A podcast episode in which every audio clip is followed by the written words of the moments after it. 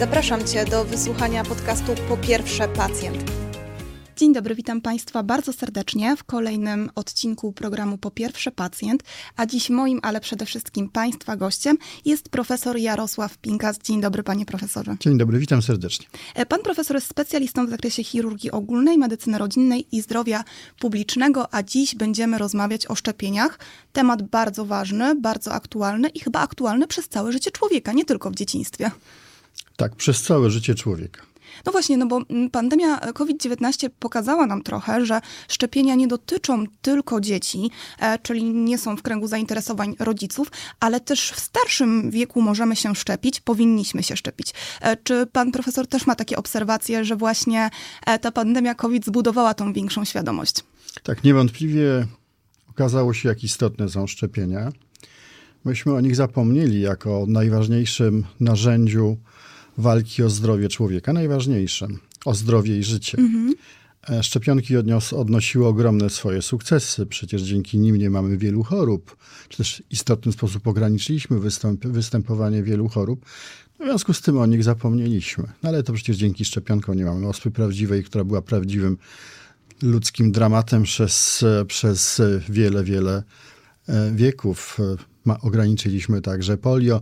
Nie mamy w tej chwili dzieci, które miałyby pełnoobjawowe polio. No jest to wielki sukces. Tych sukcesów jest cała masa, można by je naprawdę mnożyć. Ale rzeczywiście jest też tak, że nie pamiętaliśmy o nich, czasami, czasami korzystaliśmy, dlatego że była taka potrzeba. Na przykład no, e, szczepiliśmy się w momencie, kiedy wyjeżdżaliśmy za granicę, kiedy mm -hmm. były potrzebne konkretne szczepienia, prawda? Żółta febra, a, a innego typu szczepienia wymagane w danych krajach i wtedy bez żadnej dyskusji chodziliśmy, szczepiliśmy się. No. Dostawaliśmy, dostawaliśmy dokument, e, mieliśmy poczucie bezpieczeństwa w trakcie, w trakcie wyjazdów. No także oczywiście były i cały czas są prowadzone różnego typu akcje dotyczące szczepień wieku dorosłych, szczególnie dla zagrożonych grup albo takich, którzy, którzy mogą być zagrożeni poprzez, poprzez swoją pracę, czy też, też na przykład no, kreszczowe zapalenie mózgu, pracownicy pracownicy służby zdrowia, to, to oczywiście wirusowe zapalenie wątroby. Było to zupełnie racjonalne, przyjmowane bez żadnych emocji, nie budziło żadnych kontrowersji. Wszystkim się wydawało, że dostają coś zupełnie nadzwyczajnego, bo nadzwyczajną rzeczą jest to, żebyśmy mieli, będę to powtarzał, powtarzał jak mantrę, poczucie bezpieczeństwa zdrowotnego. W tym przypadku dawało to państwo i cały czas daje. No, mhm. w tej chwili mamy dość e, niepokojącą sytuację, dlatego że e, ludzie mają takie podejście, że coś im się narzuca, że nie podejmują samodzielnie swoich decyzji, chociaż oczywiście tak naprawdę je podejmują.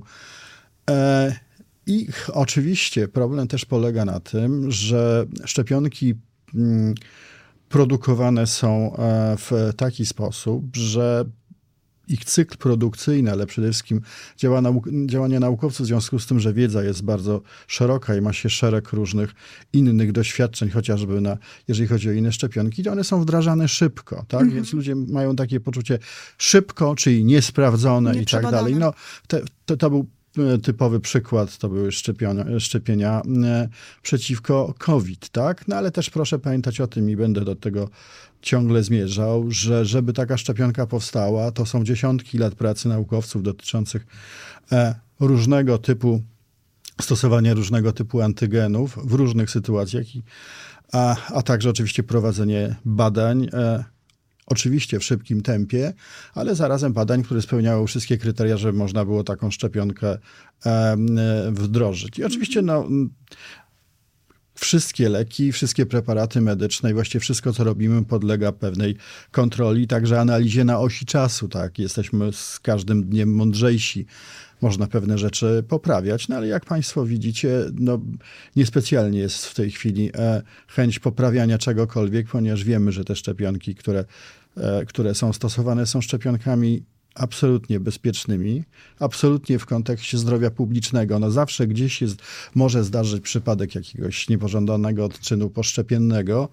Mm, jesteśmy różni jako ludzie, ale zarazem, jeżeli, jako, jeżeli chodzi jako populacja, to wiemy, co trzeba zrobić, żeby cała populacja była zabezpieczona. Na tym polega zresztą zdrowie publiczne, żebyśmy dbali o większość. No i oczywiście nic nigdy nie zdarza się w 100%, nie ma stuprocentowych założeń, zawsze są jakieś, jakieś sytuacje, które, które mm, e, w cudzysłowie mówiąc, wymykają się spod kontroli, ale na tym polega medycyna. Musimy wybierać e, absolutnie mniejsze zło i w kontekście populacji to jest absolutnie zaszczepienie jak największej części naszego społeczeństwa.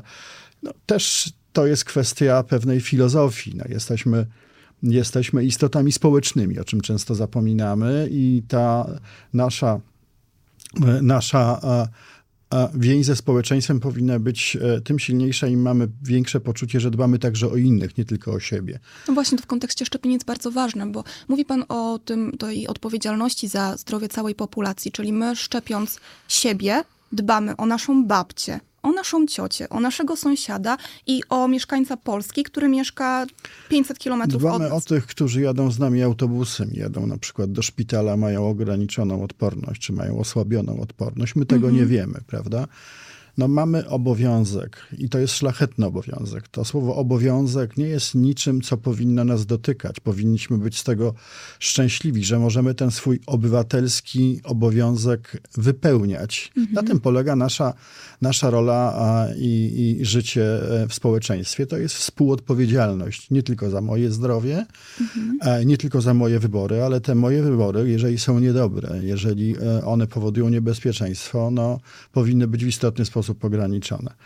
I oczywiście mamy teraz takie poczucie, że powinniśmy mieć takie poczucie wolności, tak? -hmm.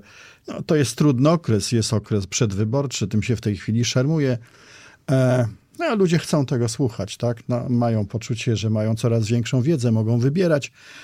E, to także tutaj e, dygresja, ale myślę niestety e, bardzo istotna, że kiedyś tak nie było. A kiedyś ludzie ufali autorytetom, mhm. ufali profesjonalistom, a teraz e, ta informacja pochodziła ze źródeł absolutnie sprawdzonych. Tak? Brało się gazetę, e, w tej gazecie było coś napisane.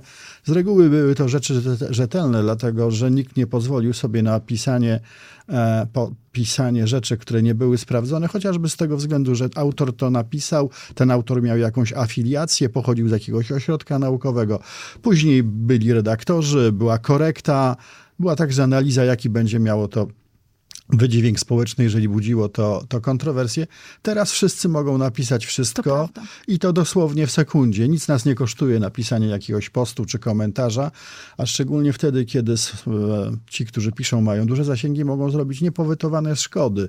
Tak? Zasiać, zasiać niepewność, wahanie się, no i na tym to polega. No poza tym Proszę pamiętać, że pojawili się e, no, tacy osobnicy, takich nazwę, którzy nie są żadnymi autorytetami, tylko nazywają się influencerami. Tak? I mm -hmm. oni mhm. mają wpływ na nasze, na nasze zachowania. No, czasami jest to zupełnie irracjonalne, dlatego że oni żyją z kontrowersji. Tak? Nie, nie mhm. żyją z tego, że coś jest e, e, rzetelnie przez nich udokumentowane, że mają swoją własną wiedzę lub też warsztat, dzięki którym nabyli, nabyli tą wiedzę, to są ludzie, którym się coś wydaje. Tak? Mhm. I to jest ta kategoria. Coś mi się wydaje, w związku z tym mogę coś napisać, mogę wzburzyć e, moich, moich followersów, czy, czy tych, którzy mnie obserwują na różnego typu różnego typu mediach społecznościowych część tych zasięgów to są zasięgi ogromne. I Kolejne pytanie, e, dlaczego to robią? No, często to robią zupełnie nieświadomie, mając poczucie misji, mhm. w cudzysłowie poczucie misji, ale czas, czasem, a nawet może nie czasem, jest to po prostu zwyczajnie monetyzowane. Z tego się żyje, tak? Z ilości lajków, e, z, z reklam, które są, które są na, na, na YouTubie czy w innych mediach, które docierają do ludzi. Nawet w tej chwili specjaliści zdrowia publicznego mają bardzo, bardzo e, trudne życie, dlatego że muszą być niezwykle pryncypialni.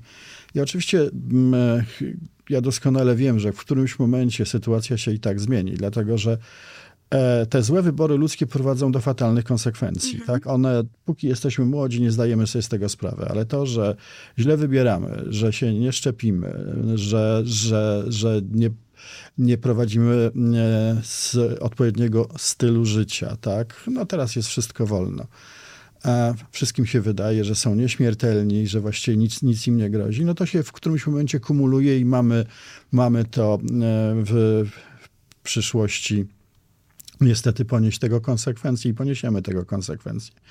A kolejna sprawa jest też taka, że i wrócę do tego mhm. poczucia jednak egoizmu. Jak nie dbamy o innych, to Proszę pamiętać o tym, że nasze wybory to są także e, nieszczęścia wielu ludzi spowodowane tym, że my jesteśmy chorzy, tak? To nasza rodzina, która Oczywiście. cierpi z powodu naszej choroby, to nasi bliscy, e, już nie mówiąc o innych konsekwencjach, takich jak na przykład no, e, to, że możemy roznieść jakąś, jakąś mhm. chorobę, ale także to, że no jednak jesteśmy istotami, po raz kolejny to będę powtarzał, społecznymi, powodujemy cierpienie z powodu na, naszego, naszej choroby, też odejścia, już nie mówiąc o, o całym aspekcie takim socjalnym. No, e, to jest, to jest e, problem związany z utrzymaniem rodziny, prawda, mhm. odpowiedniego standardu, e, no i takich emocji, które wytwarzamy, które nie powodują to, że ludzie są szczęśliwi.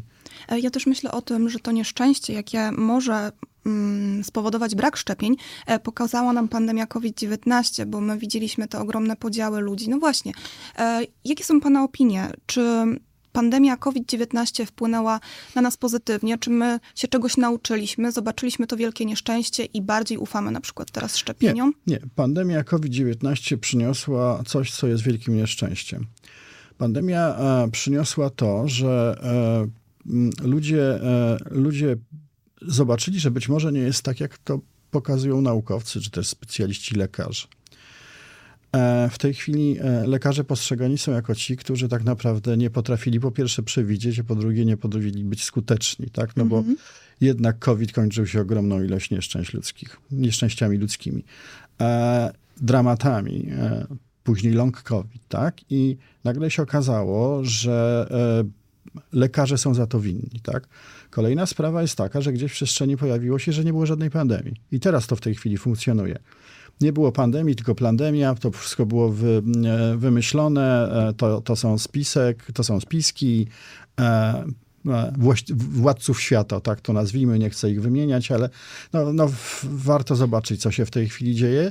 Zresztą tak się też prowadzi w tej chwili politykę, tak? E, Mogę jeszcze Poprzez... zapytać o jedną rzecz? A Bardzo czy, proszę. czy pan chorował na COVID-19? Chorowałem e, i mimo, mimo szczepienia przeszedłem to niespecjalnie gładko.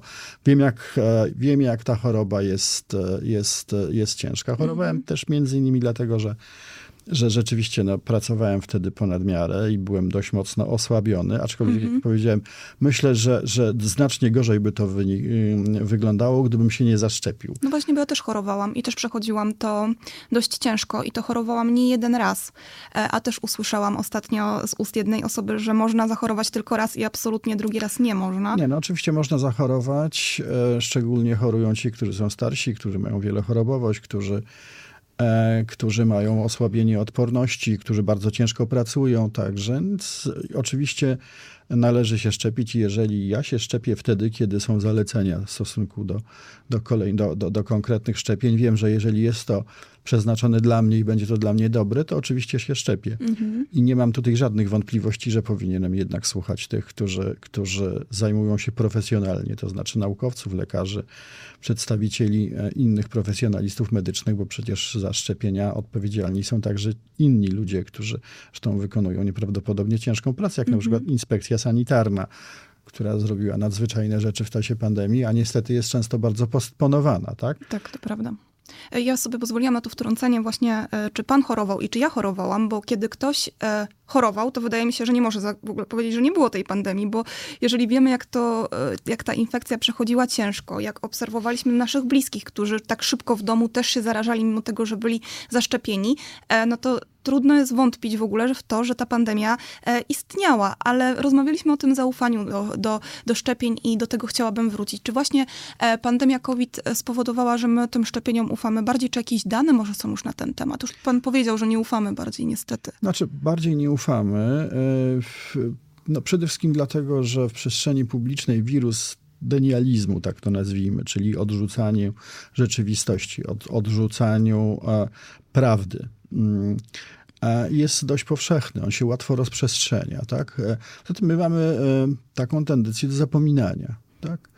E, ktoś nas może łatwo zindoktrynować, mówi przecież, no zobacz, no, nic się nie stało, tak? No, kolejna sprawa to jest, to jest kwestia nie tylko szczepień, ale także kwestia tego, co się działo w czasie pandemii, Mhm. co było niezwykle dolegliwe, tak? To było wprowadzenie różnego typu lockdownów, ograniczeń i e, jest to kwestia taka znalezienia winnego, dlaczego to zostało zrobione, winnego w cudzysłowie, bo ja jestem głęboko przekonany, że dzięki tym działaniom uratowano setki, tysiące ludzi, jak nie miliony.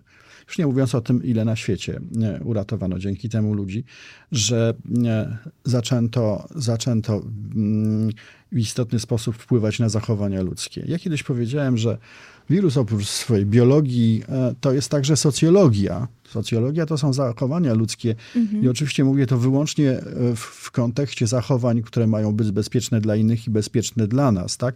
I to jest ta właśnie socjologia. Socjologia to jest nauka o zachowaniach. Tak?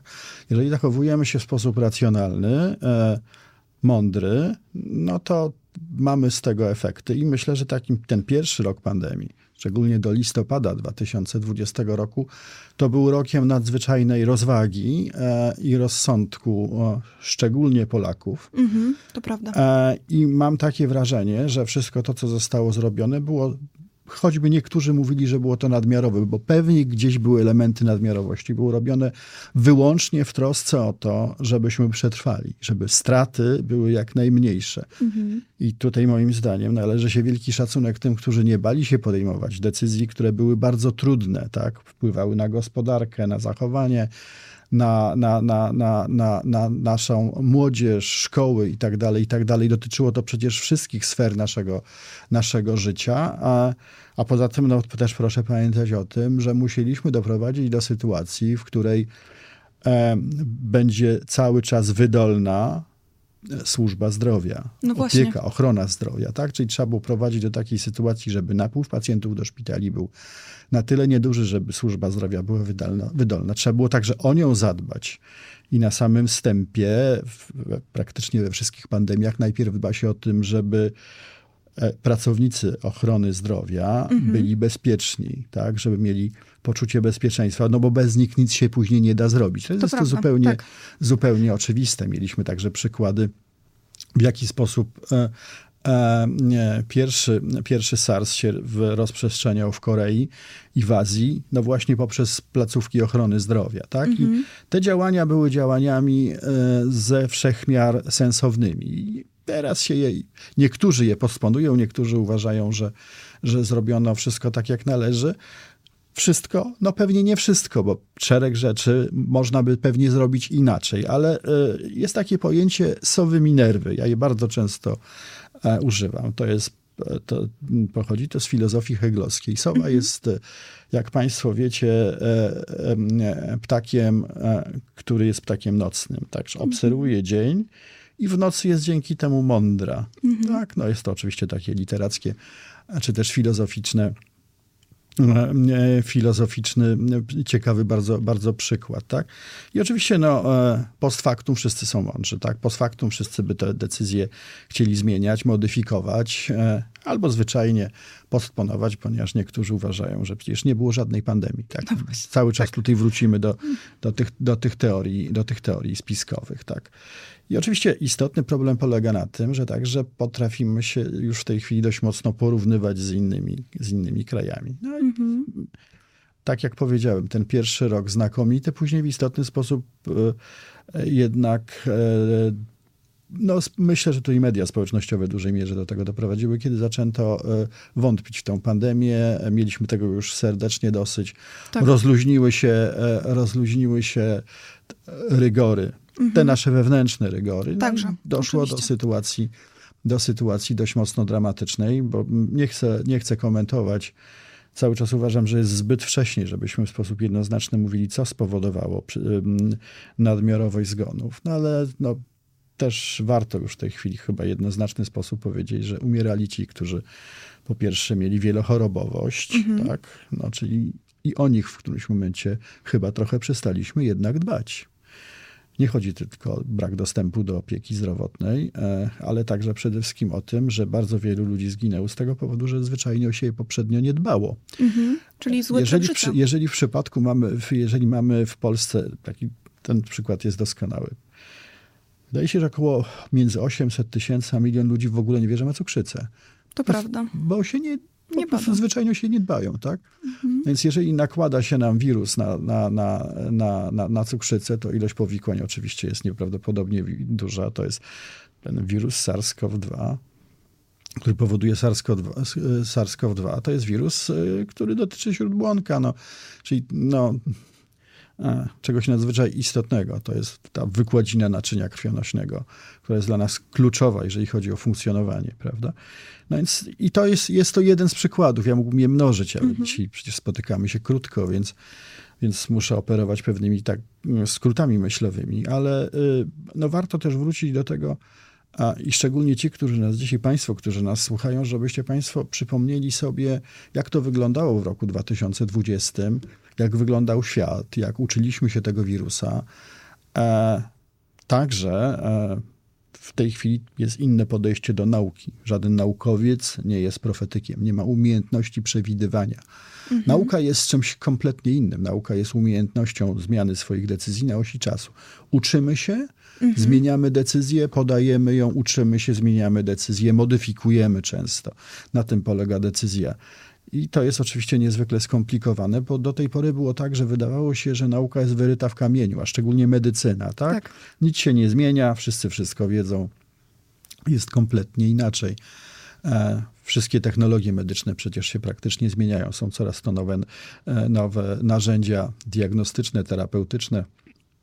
Lekarze nabywają innych umiejętności, więc jesteśmy w kompletnie innym świecie. Ten świat się zresztą nieprawdopodobnie szybko zmienia, ale taką akceleracją prawdziwą według mnie był także COVID w tej chwili, bo on też przyniósł, e, myślę, wiele niezwykle e, interesujących rozwiązań, o których jeszcze w tej chwili nie wiemy, tak, ale no myślę, że wiemy, jak się przygotować na następną pandemię. Tak, to prawda. Mamy już jakieś wypracowane. Mamy już jakieś standardy. wypracowane schematy, mamy lepiej funkcjonujące instytucje, które, które no, były dość mocno deprecjonowane przez całe lata. Ja tutaj wracam do inspekcji sanitarnej, tak, która A czym w ogóle zajmuje się inspekcja sanitarna? No bo my jesteśmy w programie dla, e, dla pacjentów. Pacjenci mogą w ogóle nie wiedzieć, że coś takiego istnieje, a jeżeli już wiedzą, że istnieje, to mogą kompletnie nie mieć pojęcia, jakie są zadania takiego organu. Czy mógłby pan w taki jasny sposób wyjaśnić, co robi inspekcja lepiej sanitarna? by było z, z zadać odwrotne pytanie, czym się nie zajmuje inspekcja. Okej. Inspekcja ma niezwykle szerokie spektrum e, swoich, e, e, swoich zadań. One są oczywiście opisane w prawie. Ale jeżeli rano mamy poczucie bezpieczeństwa, jeżeli rano wypijamy szklankę wody, jeżeli robimy sobie śniadanie, jeżeli mamy wiedzę, że nasza żywność jest znakomita, bo tak między innymi mówiąc mamy jedną z najlepszych żywności na świecie, tak? to jest to odpowiedzialność za, e, e, za wodę. To, co jest w naszym kranie, jest sprawdzone przez inspekcję sanitarną. To, co kupujemy w sklepie, e, jest w dużej mierze e, bezpieczne, dlatego że są wdrożone różnego typu rygory. Chociaż oczywiście za, za samą żywność odpowiadają ich producenci, Oczywiście. nie inspekcja sanitarna. Ale inspekcja sanitarna odpowiada za to, żeby chociażby odbywało się to w warunkach e, odpowiednich, opi, o, odpowiednio opisanych sanitarno-higienicznych, prawda, i tak dalej, i tak dalej. Inspekcja sanitarna odpowiada za to, żeby w szpitalu było czysto i w przychodni było czysto. Inspekcja sanitarna odpowiada za nasze szczepienia, za cały program szczepień ochronnych. e, Odpowiada inspekcja sanitarna, żeby był zachowany łańcuch chłodniczy, żeby to, co dostają dzieci, było bezpieczne. Inspekcja odpowiada także za, e, za to, czy mieszkamy w bezpiecznym mieszkaniu w dużej mierze. Tak? Badamy radon, badamy e, różnego typu natężenia czynników, które mogą być dla nas niebezpieczne, tak? I mógłbym to mnożyć i państwo, państwo nie macie pojęcia o tym, ile inspekcja robi dobrego, dlatego, że się z nią dość często nie spotykacie. Spoty e, inspekcja ma także bardzo istotny charakter edukacyjny, o którym się także nie mówi, prawda? E, ma między innymi inspekcja sanitarna była jednym z istotnych nie, uczestników projektu dotyczącego zwalczania tytoniu i robiła to w sposób niezwykle skuteczny. No, oprócz różnych instytucji, to Państwowa Inspekcja Sanitarna doprowadziła do sytuacji, w których z 52% palących kilkanaście lat temu e, mamy w tej chwili 25%, pali więcej ludzi już w tej chwili niestety po covid No właśnie, bo te nowe dane, prawda, tak, tak, te dane są niepokojące, no ale, ale no generalnie to jest inspekcja, która jest także czasami e, opresyjna, w dobrym tego słowa znaczenia i należy za to ją szanować. To są mandaty w, w, tam, gdzie, tam, gdzie nie spełnia się kryteriów i nawet jak nasz e, czas się dość mocno identyfikuję z tą instytucją, chociaż nie pracuję tam już od ponad dwóch i pół roku, to jednak moje serce tam zostało, to, to jeżeli w smażalni się dostaje mandat, to znaczy, że to jest, e, że to jest mandat, który na pewno e, został, został zrobiony po to, żebyśmy mieli poczucie, że nie zatrujemy się na wakacjach, czy też w lodziarniach, czy gdziekolwiek indziej. Ja to oczywiście trywializuję. Nie, No nie jest to miłe dla właściciela, ale myślę, że Ważne dla nas. ale jest to niezwykle, niezwykle ważne dla nas. No nie mieliśmy, nie mieliśmy i mam nadzieję, że się to nie, zdarzy, jakichś wielkich problemów infekcyjnych związanych z niebezpiecznym, z niebezpieczeństwem z infekcji naszej żywności. No, zobaczcie Państwo, co się działo kilkanaście lat temu w Niemczech, prawda, wielka werotoksyczna E. coli, prawda, i, i, i śmierć ludzi. No, y, wszystko się może oczywiście zdarzyć tych e, naszych opiekunów, e, których powinniśmy naprawdę szanować, jest tylko 16 tysięcy na całą Polskę. To niewielu. Mówię tylko, pewnie, że niewielu, a zobaczcie Państwo, ja już w tej chwili omówiłem tylko, czy opowiedziałem o kilku, e, kilku e, aspektach ich działania, czy spektrach działania, ale ich jest znacznie więcej. Tak? Gdybyśmy siedzieli tutaj kolejne 4 godziny, to jestem Państwu powiedzieć po- w stanie, czym się zajmuje inspekcja sanitarna. E, to, że rano mamy poczucie bezpieczeństwa zdrowotnego, tak? To jest chyba takie najważniejsze. To prawda? jest, a to jest najważniejsze poczucie, to jest stan naszego ducha, kiedy wstajemy rano. To, to jest to związane z tym, że, że żyjemy w kraju, gdzie jednak te służby y, działają i y, działają coraz lepiej. COVID także, między innymi mówiąc, doprowadził do sytuacji, że Państwowa Inspekcja Sanitarna dostała trochę więcej środków. Nie trochę, bo cały czas ich jednak brakuje, że została ucyfrowiona i z siermiężnej instytucji e, no jest instytucją, która jest coraz bardziej nowoczesna. To jest kwestia cyfryzacji, kwestia doprowadzenia do, e, do, do funkcjonowania czegoś, co można nazwać wirtualną stacją, wymiany doświadczeń między, między, między pracownikami. I oczywiście no, e, nie wszystkim się to będzie podobało, bo tak jak powiedziałem, w cudzysłowie była to, bywa to inspekcja opresyjna, to znaczy czegoś od nas wymaga, tak? No dobrze, tylko po co jest to robione? No po to, żeby właśnie e, mieć to poczucie bezpieczeństwa zdrowotnego. Więc myślmy ciepło o tych, którzy czasami od nas, e, od nas czegoś, czegoś wymagają i nie jest, to, e, nie jest to irracjonalne. To nie jest tak, że się ktoś czepia, że, że kran e, e, nie- jest funkcjonalny, czy, czy, czy jest źle posadowiony. Ma to głębokie, głębokie znaczenie. Powiedzieliśmy dzisiaj dużo o COVID-19, powiedzieliśmy o inspekcji sanitarnej, a ja chciałabym zapytać, na co i po co powinniśmy się szczepić, kiedy jesteśmy już starsi, czyli kiedy ten e, program e, szczepień ochronnych, który jest kierowany do dzieci, już zostanie zakończony i kiedy my wchodzimy w ten e, dorosły wiek. Powiedział pan, że są specjalne grupy, które szczególnie są narażone na zachorowania na pewne choroby i im dedykowane są określone szczepienia. No właśnie, to jakie to są szczepienia i dla kogo? To jest bardzo ważne pytanie. Bardzo dziękuję, że pani zadała. Nie wymienię wszystkich, ponieważ e, Znów też wiele. proszę pamiętać o tym, że dobrze jest zapytać się swojego lekarza, Mhm. na co pow- powinnam, czy powinienem się zaszczepić. E, no medycyna ma też do siebie, że należy ją personalizować, tak, że każdy e, powinien e, uzyskać odpowiednią wiedzę albo zapytać się, czy to jest dla niego bezpieczne, czy nie i czy rzeczywiście ma to, ma to sens. Czyli- Ale przejdźmy w tej chwili Okej. tak e, do, do, do, do pewnych konkretów, bo to jest bardzo dobry czas, tak? E, No zaraz będzie taki, e, myślę, wspaniały sezon grzybowy, tak? Więc będziemy chodzić do lasów. Tak, E, I to jest wielka pasja wielu Polaków. moja również. No właśnie, życzę sukcesów. Dziękuję. Mam nadzieję, że, że, że w tym roku będą wspaniałe borowiki. Ale dobrze było, że miała, miała, miała pani poczucie bezpieczeństwa wchodząc do lasu. Tak? Mhm. Kleszczowe zapalenie mózgu. Jest ogromna ilość e, kleszczy w Polsce. To prawda. populacja jest, e, jest większa. Jest Coraz to także większa, prawda? związane z, e, z klimatem, który, który u nas jest. E, mamy wirusa powodującego kleszczowe zapalenie mózgu. To jest choroba naprawdę niebezpieczna i możemy w ogromnym procencie doprowadzić do sytuacji, żebyśmy nie zachorowali poprzez zwyczajne szczepienie. Szczepionka jest dostępna, szczepionka na kleszczowe zapalenie mózgu. E, a zapytam, jak często? Czy każdy może się zaszczepić? Tutaj, tutaj warto jednak sięgnąć do e, źródeł, zobaczyć, czy ja mogę, czy nie ma w stosunku do mojej osoby jakichś ograniczeń i zapytać się zwyczajnie swojego lekarza opieki podstawowej. Czyli rodzinnego. Czyli lekarza rodzinnego, który zresztą znakomicie jest do, jest do tego przygotowany, żeby nam takiej informacji udzielić. Ja staram się nie udzielać porad zdrowotnych takich globalnie, mhm. e, dlatego że no, tak jak jestem wielkim wręcz apologetą szczepień na grypę, nie wyobrażam sobie, żebym nie był zaszczepiony w każdym roku, no to są też czasami przeciwwskazania, prawda? Mhm, oczywiście. No więc i dobrze by było, żeby, żeby albo to skonsultować, albo rzeczywiście no, przeczytać na temat tej szczepionki i pomyśleć sobie, czy rzeczywiście gdzieś mi e, nie grozi jakieś powikłanie związane chociażby z tym. No nie, jestem uczulony na białko jajka kurzego na przykład. Mhm. To akurat akurat jest e, niespecjalnie częste, no ale warto o tym, warto o tym pamiętać. Poza tym e, wstęp naszej rozmowy to, to to, że szczepienia dotyczą całego naszego tak. życia. No właśnie, porozmawiajmy w takim razie o tym, e, co się powinno zrobić u osób już dorosłych, czy też mhm. wręcz osobów, osób w wieku, wieku starszym.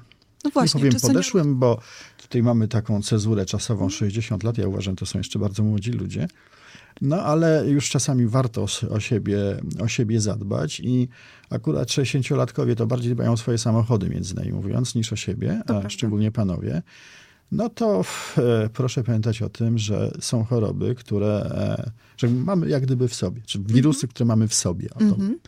e, to są tak zwane wirusy, które są wirusami latentnymi. Przechodziliśmy ospę wieczną, mhm. a w naszych zwojach nerwowych są e, uśpione, e, uśpione wirusy. Mamy okres, w którym, e, w którym mamy jakieś osłabienie naszego organizmu. Chorujemy na różnego typu choroby, mówię osłabienie odporności i nagle mamy półpasiec. Tak? Mhm.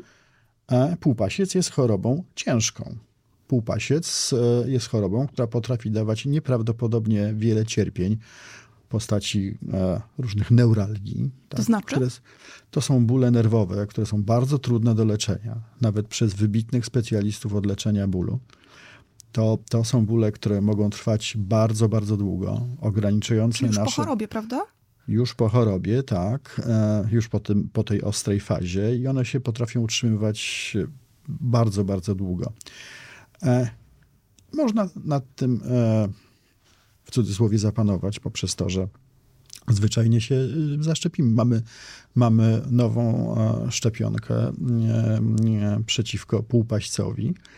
E, I ona jest też niezwykle skuteczna. No więc warto o tym pomyśleć, mm -hmm. tak? Szczególnie wtedy, kiedy dotykają nas e, też inne choroby, wiemy o nich. I tu, tutaj też moja sugestia, żeby zapytać się swojego lekarza rodzinnego, czy czasem nie powinienem się, e, czy powinienem się na to zaszczepić. No mamy oczywiście pneumokoki, kilka, kilka istotnych szczepionek, które, które też powodują to, że nie będziemy chorować ciężko albo po prostu no, nie, nie, nie zginiemy z powodu, z powodu tym razem bakterii E, a w jaki sposób możemy skinąć przez tą...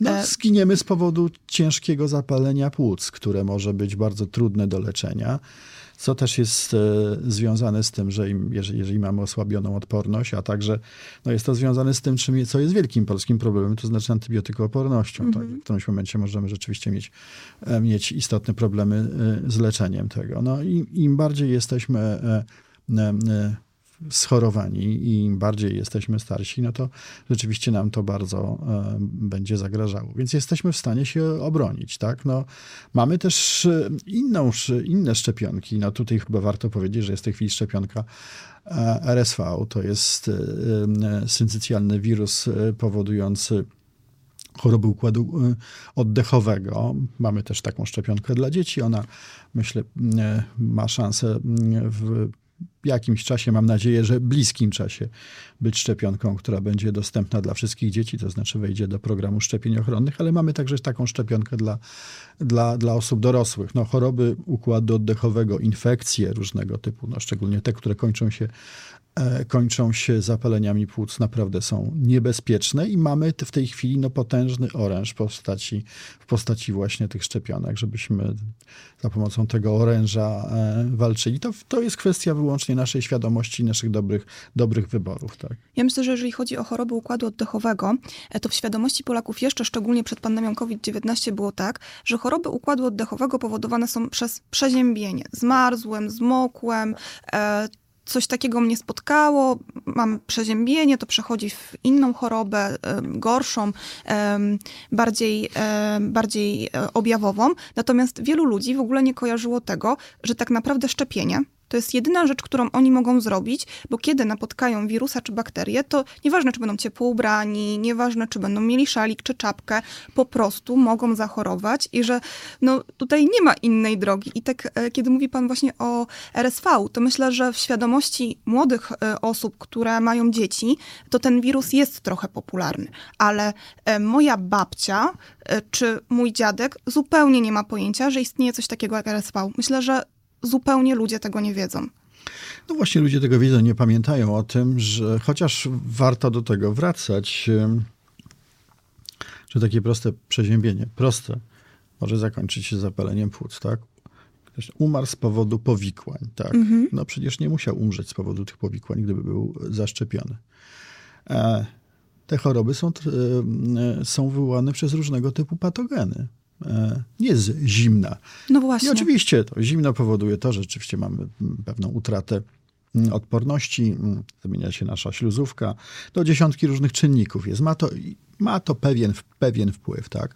Ale te choroby, o których mówimy, są związane z tym, że są to albo bakterie, albo wirusy, albo grzyby e, i możemy sobie z nimi poradzić w dużej mierze jeżeli mamy możliwość zastosowania szczepionki. Nie na wszystko oczywiście są te szczepionki, ale też świat idzie, idzie na tyle do przodu, że te główne patogeny, które są dla nas niebezpieczne i wiemy, ile zgonów powodują, tak. Mhm. RSV to jest w Europie kilkadziesiąt tysięcy zgonów, tak. Już nie mówiąc o, o, o, o zgonach u osób starszych związanych z pneumokokami. No pewnie mhm. będzie tego mniej, dlatego że mamy mamy w tej chwili szczepioną populację dzieci, więc one nie przyniosą starszym ludziom, tak? Mhm. Ale mimo wszystko, tak? E, starsi powinni się zdecydowanie e, zaszczepić i pa pamiętać o tym, że są potrzebni, tak? Właśnie, a grypa? Że są, no, grypa jest tutaj typowym przykładem, no.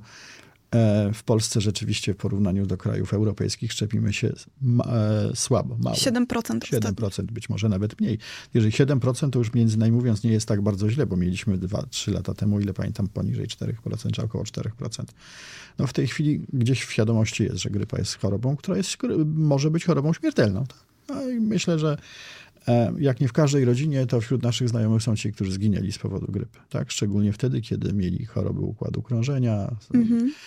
choroby, choroby serca. Jest to istotny problem. Szczepienie, które może być przeprowadzone mm, błyskawicznie. No, e, z, przecież mamy w tej chwili populacyjne programy dla osób starszych, żeby, żeby byli zabezpieczeni i, i naprawdę z tego, z tego warto, warto korzystać.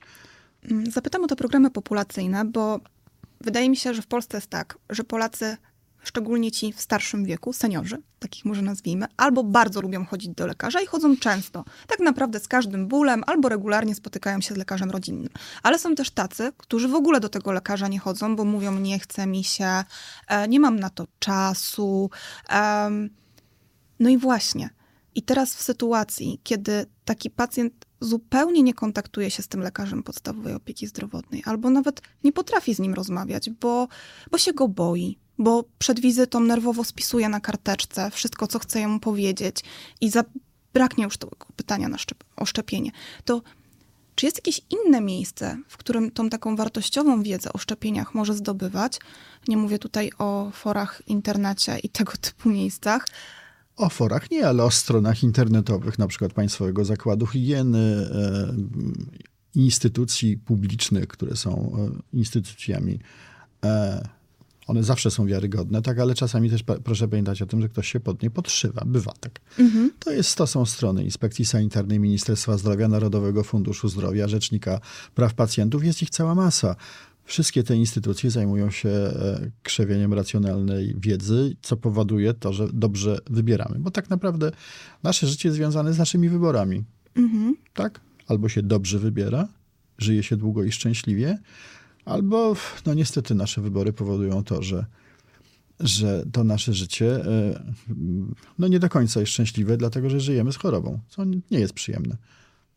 E, panie profesorze, mówiliśmy dziś dużo o internecie, a internet jest pełen spiskowych teorii o szczepieniach. E, część z nich jest, e, no, możemy powiedzieć, z kosmosu, ale część w nich może mieć jakieś ziarno prawdy. My też wiele nie wiedzieliśmy na przykład o szczepionkach przeciwko COVID-19 w czasie pandemii. Pewnych rzeczy się uczyliśmy o tym procesie uczenia, też, też mówiliśmy dzisiaj. Obecnie antyszczepionkowcy wykorzystują to tą naszą niewiedzę, ten proces uczenia e, do tworzenia różnych e, historii. I jak komunikować w takiej sytuacji? Jak rozmawiać o szczepieniach? W sposób bardzo jednoznaczny. Rozmowa o szczepieniach powinna być jednoznaczna. Na obecnym etapie wiedzy wiemy, że powinniśmy zastosować taką szczepionkę w takim czasie, powtórzyć ją w jakimś czasie. Na tym polega nauka. My się ciągle uczymy. Proszę także pamiętać o tym, że szczepionki także się zmieniają, ponieważ e, wirusy, patogeny się zmieniają. Mamy także dostęp do nowych technologii. No, kilkaset pewnie placówek naukowych na całym świecie pracuje nad szczepionkami, tak? E, to jest proces ciągły, to jest proces analityczny, to jest proces, e, który powoduje to, że za każdym razem mamy coś lepszego, bezpiecznego, bezpieczniejszego, tak? Może bezpieczne zawsze powinny być, ale bezpieczniejszego zawsze jest jakiś, jak, jakaś szansa na to, żeby coś zrobić lepiej, ulepszyć, dać szczepionkę, która będzie bardziej efektywna. Okej, okay, czyli w tej komunikacji my powinniśmy się skupić na tym, żeby podkreślać ten proces też uczenia się, tak? Żeby o tak, nim jasno... proces, proces uczenia się i proces postępu nauki. E, zapytam jeszcze o szczepienia, jeszcze wrócę do tych szczepień i zapytam o racjonalne argumenty. E, czego ludzie się boją, jeżeli chodzi o szczepienie? Czy jest faktycznie tak, że są osoby, które się boją, bo są. Są osoby, które mają wątpliwości, bo mają do tego prawo mieć wątpliwości, bo na przykład nie mają dostatecznej wiedzy, nie rozumieją tych wszystkich procesów. Właśnie myślą w taki sposób, że kiedyś szczepionkę badał jeden badacz i robił to 20 lat. Dziś mamy 25 badaczy w laboratorium i ją bada i to idzie jakoś szybciej, ale nie wszyscy są w stanie to zrozumieć. Też starsze osoby myślę, że zupełnie nie mają pojęcia, jak wygląda e, tworzenie tej szczepionki. Pani redaktor, mm, pani odpowiedziała w pierwszym zdaniu, brak wiedzy. Mm. Kolejna sprawa e, to jest kwestia, jakie informacje do nas dochodzą. Tak? Informacje, nie wiedza. Czasami one są na tyle ciekawie podane, że my zaczynamy w nie ufać zaczynamy wierzyć. Tak? Po co, dlaczego? E, wokół szczepionek jest cały spisek. Tak? Ten spisek polega na tym, że e, e, ktoś coś e, wynalazł, co jest kompletnie bez znaczenia dla nas, ma swoich akwizytorów, czyli tych, którzy to sprzedają. To są oczywiście lekarze, to są ci, którzy, mm, którzy opowiadają o tym, jak to, jakie to jest ważne i to nie jest prawda. Po co się mamy po co mamy to robić, kiedy ktoś e, e, przez nasze wybory będzie dobrze żył, tak? Ten ktoś, ten mityczny ktoś tam, mhm. Spicek, prawda, i tak dalej, i tak dalej, i tak dalej. Pani, ja się zastanawiam, jak to było kiedyś, bo mm, kilkadziesiąt lat temu y, nikt w ogóle nie miał takich wątpliwości. Szczepienie było największym dobrem. A lekarz był ogromnym autorytetem. A lekarz był ogromnym autorytetem, ale wtedy Wtedy ja pamiętam swoje czasy, kiedy praktycznie w każdej, w każdej szkole było dziecko z polio, tak? No to ludzie widzieli to polio, tak? Mhm. I wiedzieli, że to największą wartością, jaką mogą dać swojemu dziecku, jest zaszczepienie tego dziecka. Nikt nie, nie, nikt nie polemizował, no nie było czegoś takiego. No. A tak jak powiedziałem, no, wiedza wtedy była zapisana była dość twarda, było, było to jednak wszystko dość mocno sprawdzone. Zapomnieliśmy o o wartościach, szczepionki e, niestety padły ofiarą swojego sukcesu. ja wiem, że sytuacja może się zmienić, kiedy będziemy pokazywać, epatować trumnami i tak dalej. Zobaczcie, niezaszczepiony umarł. No tego się nie robi w tym. No właśnie, nie robi się. Raczej, raczej zależy na tym, żeby przekaz był pozytywny. Ale po prostu musimy być zwyczajnie konsekwentni. No. Za każdym razem, kiedy ktoś to posponuje, to warto się zapytać, e, skąd ta wiedza jest. Mhm. E, e, czy ona jest oparta na, na, na, na, na jakichś badaniach, na, na jakichś mitach, absurdach, co w tych szczepionkach jest, prawda, i tak dalej, i tak dalej. No po prostu trzeba być konsekwentny w pytaniach. E, Pan pracuje jako lekarz wiele lat, e, wiele lat doświadczenia e, pracy z pacjentami. Czy przypomina sobie pan taką sytuację bardzo krytyczną, e, w której pacjent dostał szczepionkę i trafił do pana profesora, bo działo się coś strasznego? Czy. Nie. A no właśnie, dobre pytanie. Jestem 41 lat lekarzem.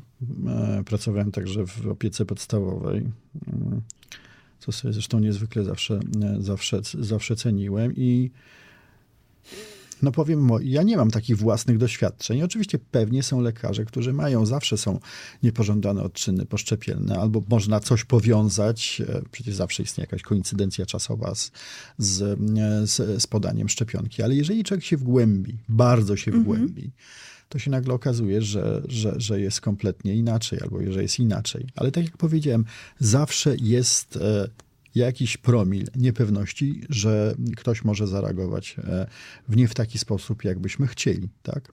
Stąd jest medycyna personalizowana, ale coraz więcej wiemy na temat, na temat niepożądanych odczynów poszczepiennych i one naprawdę nie są fałszowane, bo przecież pochodzą z dwóch źródeł. Tak? No, I z źródeł Państwowego Zakładu Higieny, bardzo jednoznaczne. Poza tym sami, e, sami tu mówiłem, o, o, o, szczególnie o rodzicach, mogą zgłaszać niepożądane odczyny poszczepienne, ale one, to co w Polsce jest, to są odczyny, które jeden z moich kolegów napisał, że to powinno być, powinno to się nazywać pozytywne odczyny poszczepienne, no bo mhm.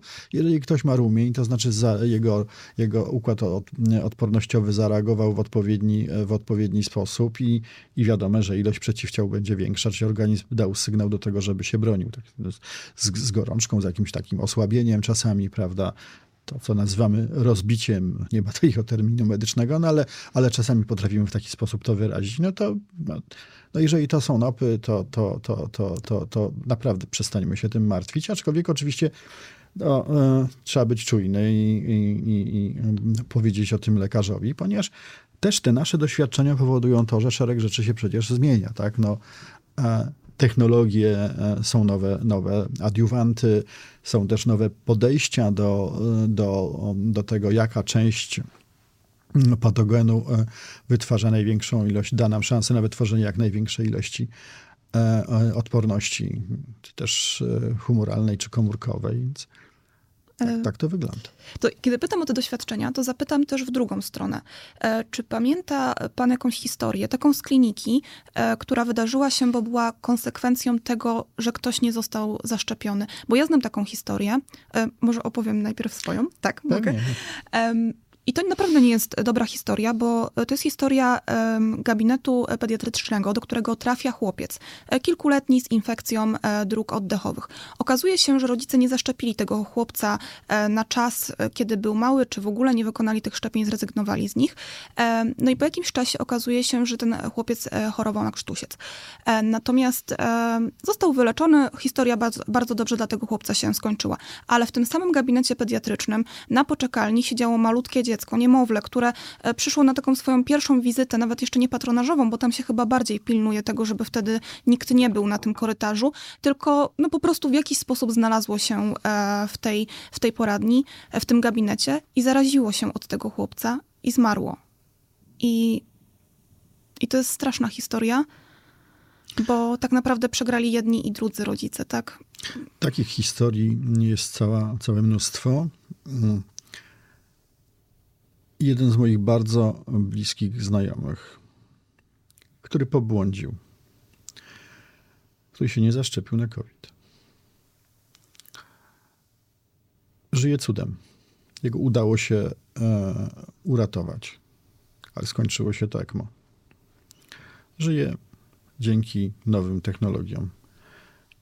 E, jest w tej chwili osobą, która wręcz afirmuje szczepienia ochronne. Mhm. Jest to osoba, która powiedziała, pobłądziłem, popełniłem fatalny błąd. Dałem się przekonać. E, nigdy w życiu tego bym już nie zrobił i, i w tej chwili rzeczywiście jest osobą, która w sposób jednoznaczny na ten temat się wypowiada. Ale ja nie chcę opowiadać o tragediach. Ja, no niestety lekarskie życie powoduje to, że człowiek e, spotyka się z nimi bardzo często. Mhm. Tak jak powiedziałem, w dużej mierze one są wynikiem naszych złych wyborów zdrowotnych, tego, że się nie słuchaliśmy, odrzucaliśmy problem, e, albo nie robiliśmy to, co powinniśmy zrobić w odpowiednim czasie. Na przykład badać się, na przykład pójść w ramach programu 40 plus do swojego lekarza opieki podstawowej. Wciąż można, prawda? Tak jest, albo, e, albo nie, Mamy w tej chwili wątpliwości, czy nasze dzieci powinny być szczepione HPV, przeciwko HPV, tak? Mhm, zaraz chciałam o to właśnie zapytać, no. bo tu jest taka teoria spiskowa, że pojawia się takie słowo rozwiązłość, że ta szczepionka powoduje rozwiązłość e, u osób młodych. No, to, to jest teoria rzeczywiście spiskowa. Wszyscy doskonale wiedzą, że akurat e, kompletnie nie ma to nic wspólnego i Zresztą inicjacja seksualna u, u, e, u dzieci w Polsce w, mimo że ta szczepionka jest coraz bardziej dostępna, kiedyś przecież e, spora liczba samorządów szczepiła także za mhm, darmo. Mm -hmm. Więc e, ona, ona, ten, ona wzrosła. To nie jest tak, że, że, że ta szczepionka ma jakikolwiek wpływ na rozwiązłość, czy też e,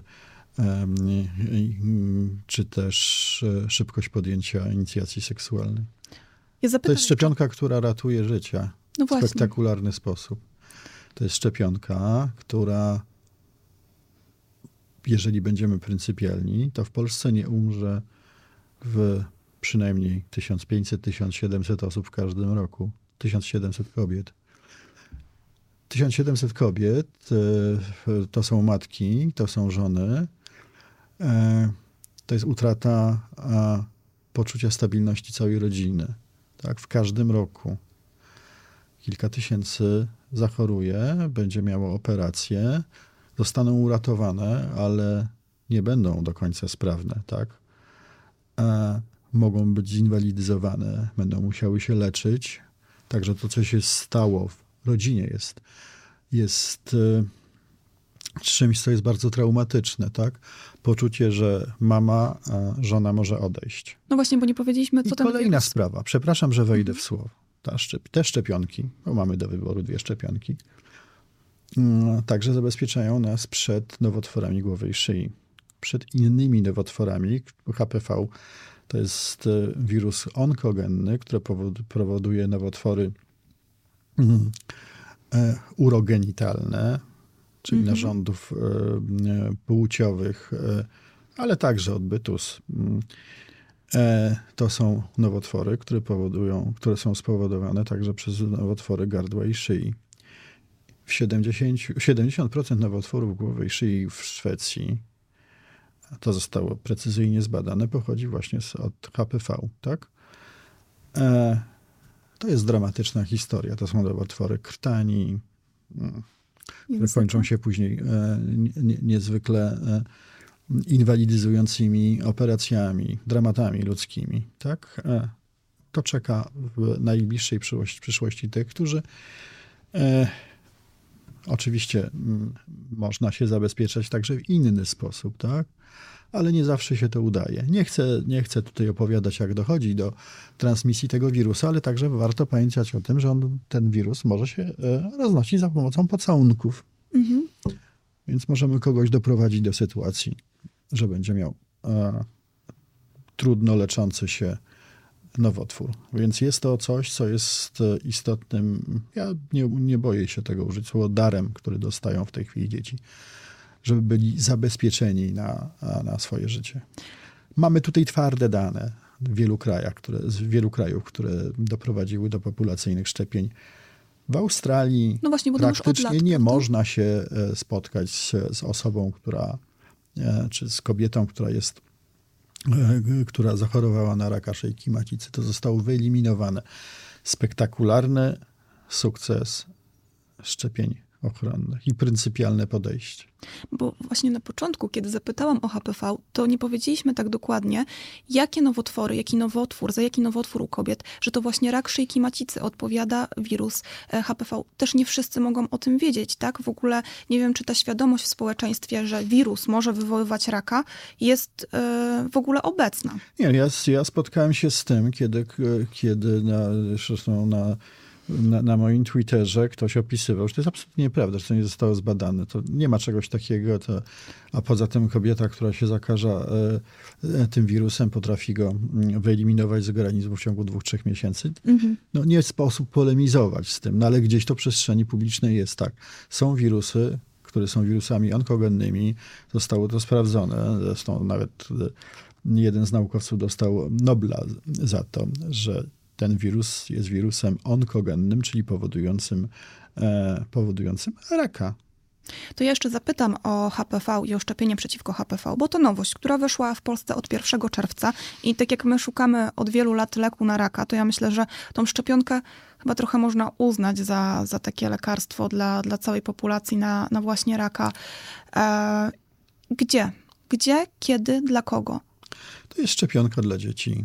E, jest, jest to szczepionka bezpłatna. E, sugeruję, żeby szczepiły się, szczepiły się w dziewczęta wtedy, kiedy przyjdzie na to czas, ponieważ e, ta szczepionka ma cezurę wiekową, ale także można ją dostać i zaszczepić się praktycznie w każdym, w każdym wieku. Szczególnie jest to ważne, żeby szczepić się przed inicjacją seksualną. Tak?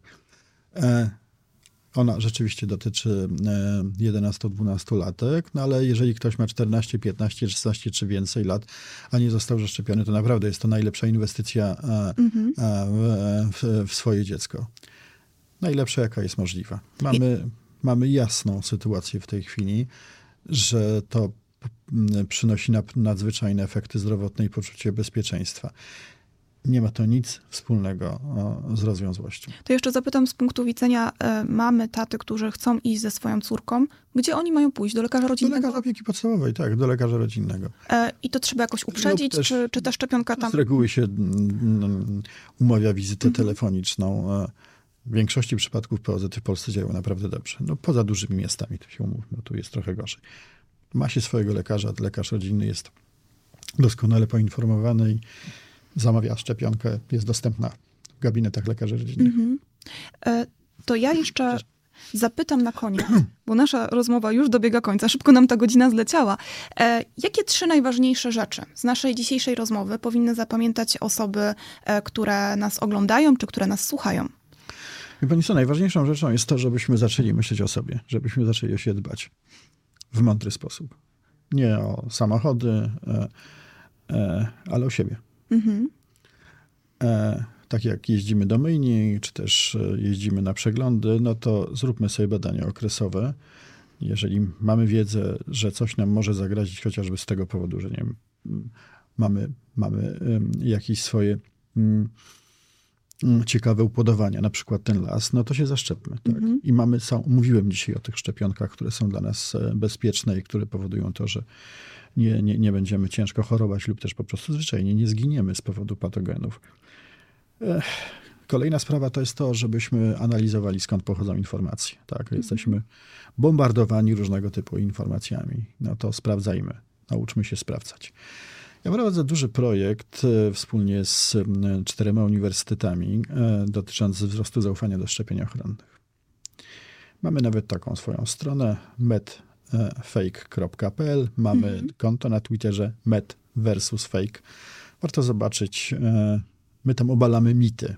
Mhm. Zresztą jest coraz większa liczba osób, która obala różnego typu mity albo e, zaczyna walczyć e, z szarlatanerią bo nie ma żadnej alternatywnej medycyny. Medycyna jest jedna, tak? Jak nie ma alternatywnego prawa, bo prawo jest tak. jedno, tak? Z tym się Alternatywne zgadzam. prawo jest przestępstwem, także, a tutaj szermowanie e, też takimi e, historiami, medycyna alternatywna, czego ci lekarz nie powie, tak? Mhm. E, no bo ma interes w tym, żeby ci nie powiedzieć to jest coś, co jest zupełnie dramatycznego i powoduje rzeczywiście wiele ludzkich nieszczęść.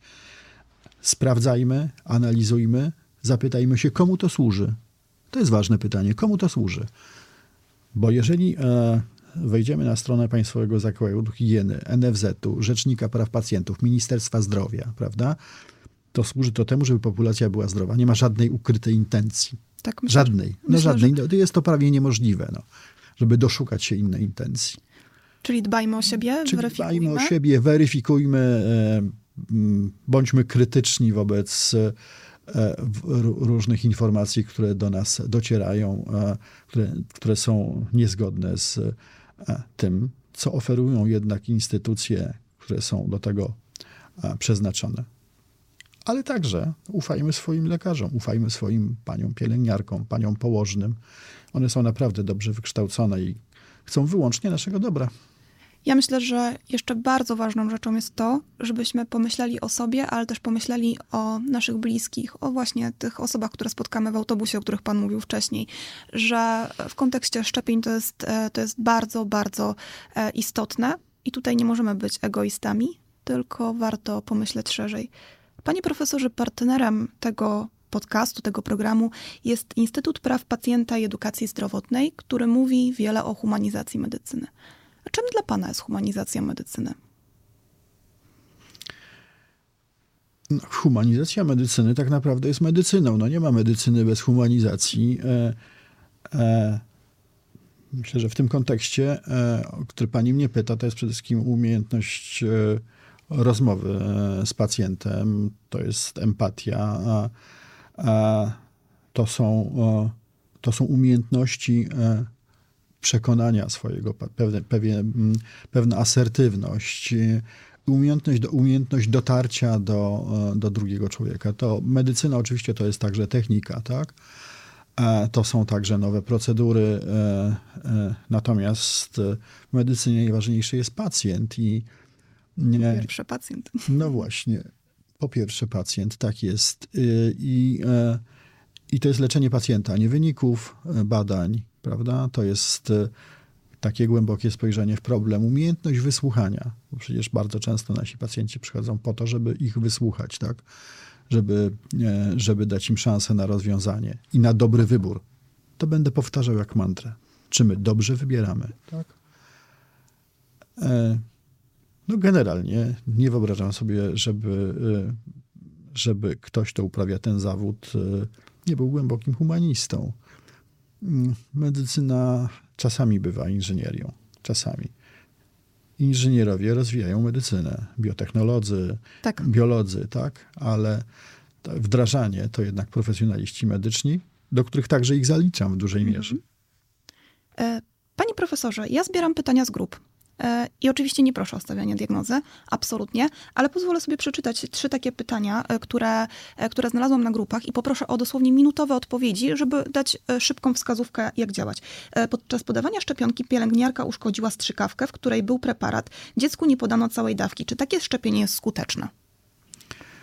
E, Szczepienie jest skuteczne wtedy, kiedy jest podana cała dawka i decyzję powinien podać, podjąć lekarz, co należy zrobić, żeby szczepienie było skuteczne. Okej, dziękuję. Kolejne pytanie. Zastanawiam się, czy nie odłożyć szczepienia ze względu na to, że wszyscy w domu są chorzy, e, prócz póki co osóbki, która ma być zaszczepiona. Cztery miesiące. W sumie może zarazić się w każdej chwili. Słyszałam, że przychodnie mimo to szczepią. Szczepią wtedy, kiedy lekarz podejmie decyzję, że szczepienie jest bezpieczne. Także nie odpowiem na to pytanie, bo od tego jest lekarz, który powinien podjąć decyzję, e, czy dziecko można zaszczepić, czy nie. Proszę pamiętać o tym, że przecież badamy dzieci przed szczepieniem. A Okej. częścią badania jest wywiad. W porządku. E, I ostatnie pytanie. Wybieramy się na ostatnie wakacje bez dziecka na Zanzibar. Generalnie się, e, nie są tam wymagane żadne dodatkowe szczepienia, ale czy z racji tego, że jestem w ciąży, powinnam się na coś zaszczepić? A to jest bardzo dobre pytanie. I to jest pytanie do e, osoby prowadzącej ciążę. Dlatego każda ciąża przebiega inaczej. e, W, w, długość ciąży także ma, os- ma bardzo istotne znaczenie. No, czasami też warto się zapytać lekarza, czy powinna pojechać na ten Zanzibar właśnie, właśnie mm, e, w ciąży, a szczególnie w którym miesiącu i zorientować się, jak wygląda opieka zdrowotna w tym kraju. No właśnie, to ważne i chyba ubezpieczenie też. To, I ubezpieczenie, to jest oczywiste. E, tak. Ja jeszcze ostatnie pytanie, czy mogę? Bardzo proszę. Czy w ciąży można się szczepić? Bo myślę, że tutaj też. Oczywiście, że się można szczepić w ciąży. E, I na co my się szczepimy e, w ciąży? Szczepiliśmy się także na COVID, e, szczepimy się na wiele różnych schorzeń, jeżeli jest decyzja lekarza. Szczepimy się wtedy w ciąży, kiedy lekarz powie nam, że powinniśmy się zaszczepić w ciąży. Od tego jest lekarz położnik ginekolog, mamy dostęp, także panie położne mogą, mogą nam zasugerować. Tak jak powiedziałem, każdy przypadek jest tutaj inny. Korzystajmy z porad lekarskich. E, panie profesorze, bardzo dziękuję za naszą dzisiejszą rozmowę, za wiele cennych informacji. E, mam nadzieję, że trochę mitów udało nam się e, obalić, że kilka faktów dotyczących szczepień i zdrowia w tym programie przedstawiliśmy. Także bardzo dziękuję, że przyjął pan profesor zaproszenie do tego programu, a Państwu dziękujemy za uwagę. Bardzo dziękuję.